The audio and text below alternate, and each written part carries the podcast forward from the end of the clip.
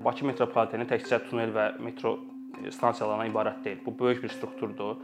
Bunun altında yəni yeraltı sular var, onlarla mübarizə var, havalandırma sistemi var. Yəni mexanizmlər, elektrik avadanlıqları, bir sürü, yəni şəhər kimi bir şey deyə bilərik də yerin altında və bunun biz sərnişinlər olaraq axşam 12-dən sonra elə bir metro bağlanır, lakin orada səhərə kimi demək olar ki, 24 saat iş gedir.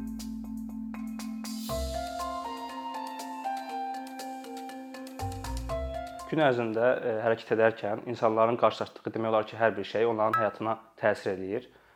E, bunu biz hiss etməsək də bilavasitə, lakin dolayı yollarla hiss edə bilərik davranışlarımızda və yaxud da gündəlik hərəkətlərimizdə. E, və şəhər ərazisində hərəkət edən bir insana ən çox təsir edən şeylərdən biri də infrastrukturdur.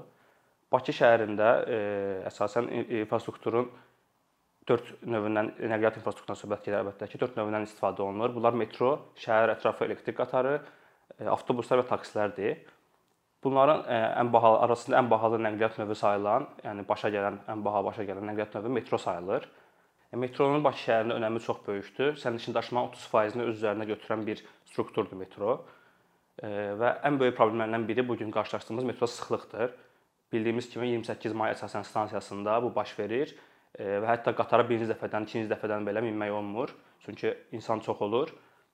Bu hal heç metro işçilərinin özlərinə də əslində qane etmir və problemlər yarada bilər gələcəkdə.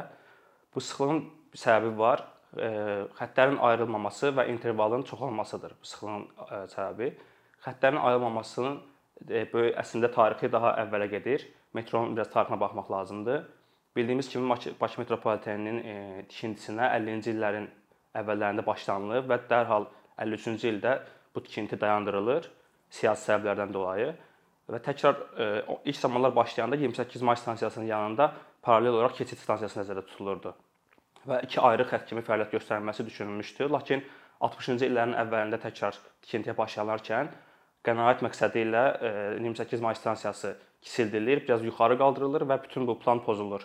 Nəticə etibarilə e, artıq 70-ci illərin ortalarında 28 may stansiyasından 4 istiqamətə e, yollar kəsişirdi və qatar hərəkət edirdi. Bunlar nizami istiqaməti idi Xətai istiqaməti idi, Nərmanlıq istiqaməti idi və İçəri şəhər istiqaməti idi. Təbii ki, o vaxtlar atları köhnə atları idi. Bu problem artıq özünü doğru göstərməyə başladığında metropolitenda belə qərara gəlirlər ki, xəttlərin ayrılması üçün əlavə stansiya tikilsin 28 may stansiya ətrafında.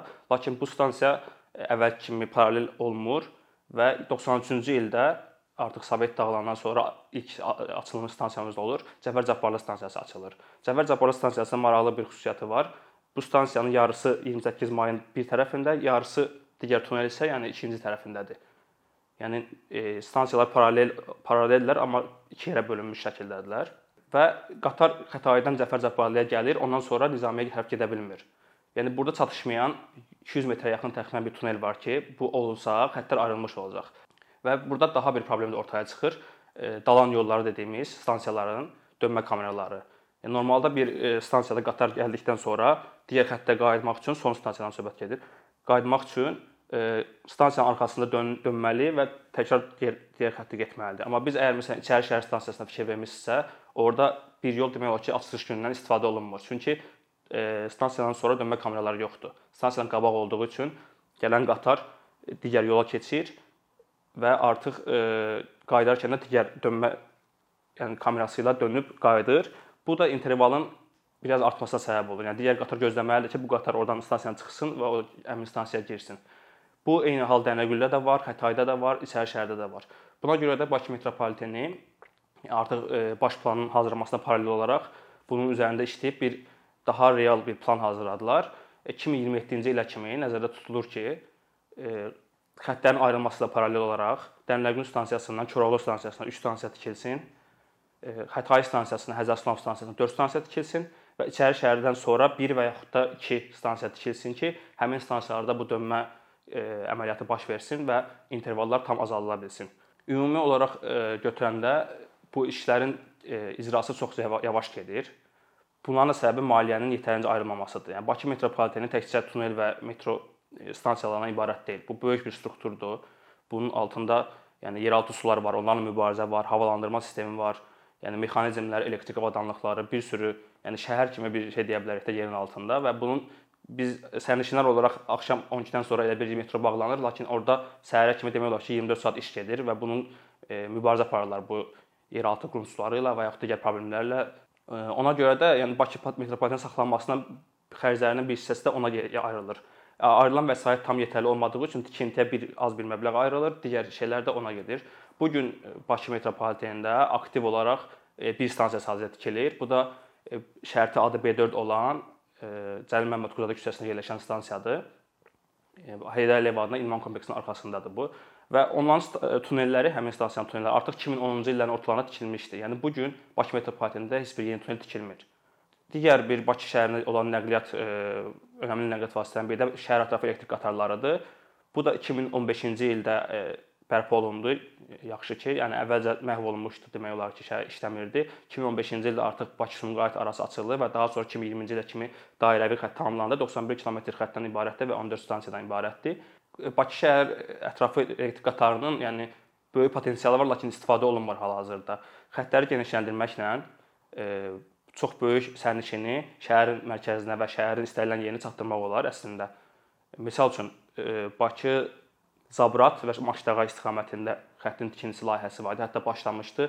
E, bu da hal-hazırda dayandırılıb və yaxud da e, Bakıxanov stansiyasından üzü Zirə istiqamətində, yəni Bülbülə, Əmircan, Suraxanı, Yeni Suraxanı, Binə bu qəsəbələrdən keçməklə Hövsan istiqamətində və yaxud da Biləcərdən Lökbatan istiqamətinə dəmir yolları var. Yəni bunlardan istifadə edərək oradakı yaşayan yüz minlərlə insanı şəhərə rahat gediş-gəliş təmin etmək olar və insanların e, həyatı rahatlaşar, yəni belə deyək. Hətta elektrik qatarları üçün bir layihə də var idi. Yerüstü metro kimi istifadə olunması. Bunun üçün Güzdəkdən sahilə kimi bir dəmir yolu xətti var köhnə. Onun bərpası lazım idi ki, şimaldan cənuba gedən yük qatarları bildiyimiz kimi Bakıda e, hərəkət edən qatarlar həm yük qatarları, həm sərnişin qatarı eyni relslərdən istifadə edirlər. Bunu ayırmaq üçün oradan artıq şəhərə girmədən, yəni Güzdəkdən girilən qatar sahildə çıxacaq, sahil qəsəbəsində və nəticəli olaraq Biləcərdən Lükbatana bir dəmir yolu bağlantısı açıla bilər və intervalı qatar sayını artırmaqla intervalı azaltmaq ola bilər və demək olar ki, yerüstü metro kimi işləyə bilər. Yəni bu gün insanlar Xırdalan niyə metro çəkilmir deyəndə və yaxud da Sumqayıta metro istəyəndə əslində ehtiyac yoxdur. Yəni metro bildiyimiz kimi çox bahalı infrastrukturdur. Bir e, kilometrin hardasa 200 milyon manata başa gəlir, 200 milyon avroya başa gəlir. Yəni bahalı bir infrastrukturdur. Əgər burada mövcud dəmir yolu varsa, bunu bu şəkildə daha az investisiya eləməklə həyata keçirmək olar. Yəni ümumiyyətlə e, son E, dövrdə son 10 ildə deyək bir müşahidə edən bir şəxs kimi deyirəm bunu. E, yəni ölkədə bəzi layihələrin başladığını və lakin daha sonra atıldığını, yarımçıq qaldığını görürük və gecikmələr gətirib çıxardığını görürük. Məsəl üçün Bakı metropoliteninin özünün 2006-cı ildə bildiyimiz kimi ölkəyə neft gəlirlər gəldikdən sonra aktiv şəkildə tikintisi başlanıldı. Hətta 4 illə 3 stansiya təhvil verildi. E, sonra avtovağzal və memar cəmi xətti açıldı, 3-cü bənövşəyi xətt açıldı. Lakin Bundan sonra sanki bir durğunluq yarandı. 2014-cü, 2015-ci ildən sonra bir durğunluq yarandı və konseptual inkişaf sxemindəki nəzərdə tutulan işləri artıq axsamağa başladı. Halbuki 2013-cü ildə Bakı metropolitenində 8-9 tikinti fərqli sahəsi var idi və aktiv işlər gedirdi. Yəni Xətraydan sonrakı stansiyanın da artıq tikintisinə bir hissəsinə başlanmışdı. Xəzərslavdan Günəşli tunellərinin 1 km çəkilmişdi. E, Bənövşəyi xəttinin tikintisi gedirdi, depoların tikintisi gedirdi. Lakin bir durğunluq yarandı. Eyni şəkildə şəhər ətrafı elektrik qatarında da 2015-dən 2020-ci ilə kimi aktiv işlər getdi. Lakin 2020-ci e, ildən xüsusilə sonra artıq demək olar ki, Bakı şəhəri ərazisində, Abşeron ərazisində heç bir yeni tikinti və infrastruktur təmin yoluna bağlı qurulmur. E, son 2 e, ildə Qarabağda bildiyimiz kimi böyük infrastruktur işləri həyata keçirməyə başlayıb. İl, il ərzində Azərbaycan büdcəsindən 2 milyard, 2.5 milyard milyarda yaxın vəsait ayrılır Qarabağa. Əlbəttə ki, bu önəmli bu önəmlidir. Yəni bu gün bizim qarşımızda duran ən böyük məsələlərdən biri də ora əhalinin e, məcburi köçkünlərin qaytarılmasıdır, köçürülməsidir. Lakin Qarabağda infrastruktur işləri həyata keçirilir deyə Bakını da unutmaq olmaz. Çünki Bakı, yəni insan olaraq baxsaq, həmişə əhalinin ən çox yaşadığı şəhərlərdən biri olacaq Azərbaycanda və gələcək bir 50 ildə də bəlkə belə görsənir. Yəni bu gün Qarabağda tikilən şəhərlərin əhalisinə baxsaq, məsələn Ağdam şəhəri 100 min nəfəri nəzərdə tutulub, Füzuli şəhəri 50 min nəfər nəzərdə tutulub, digər şəhərlər 20 min, 10 min. Yəni kəndlərlə bir yerdə toplasaq, gələcəkdə bir 20 il ərzində bəlkə də Qarabağa 500 minə, 600 minə yaxın insan köçürüləcək. Lakin bu yenə də Bakı şəhərində insanlar daha çox olacaq və iş mərkəzi kimi Bakı daha aktiv olacaq. Buradakı milyonlarla insanın, yəni gün ərzində hərəkət edən yüz minlərlə insanın rahatlığını da unutmaq, unutmamaq lazımdır. İnvestisiyalar dedikdə çox insan e, yəni biraz qorxur, böyük investisiya tələb olub düşünür. Bəli, məsəl üçün metro nəqliyyatı bahalı bir infrastrukturdur.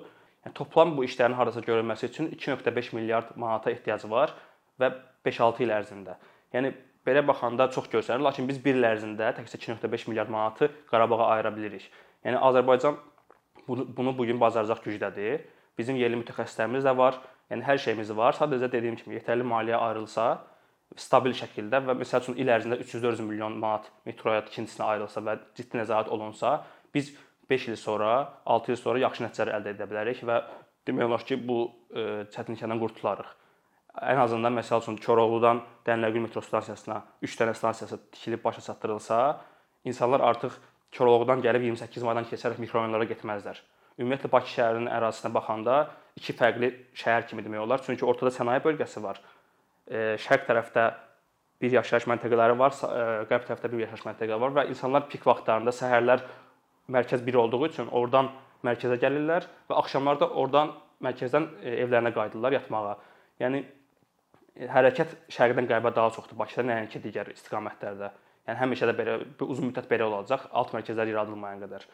Bu alt mərkəzlər məsələsi də baş planda hamısı nəzərdə alınıb qeyd olunub və baş planın özünün də təsdiqlənməsi gecikir baş planda 2020-2040-cı illər arası işlər nəzərdə tutulsa da, artıq 2023-cü ildə və hələ də plan təsdiqlənməyib. Yəni 3 il biz burdan itirmişik.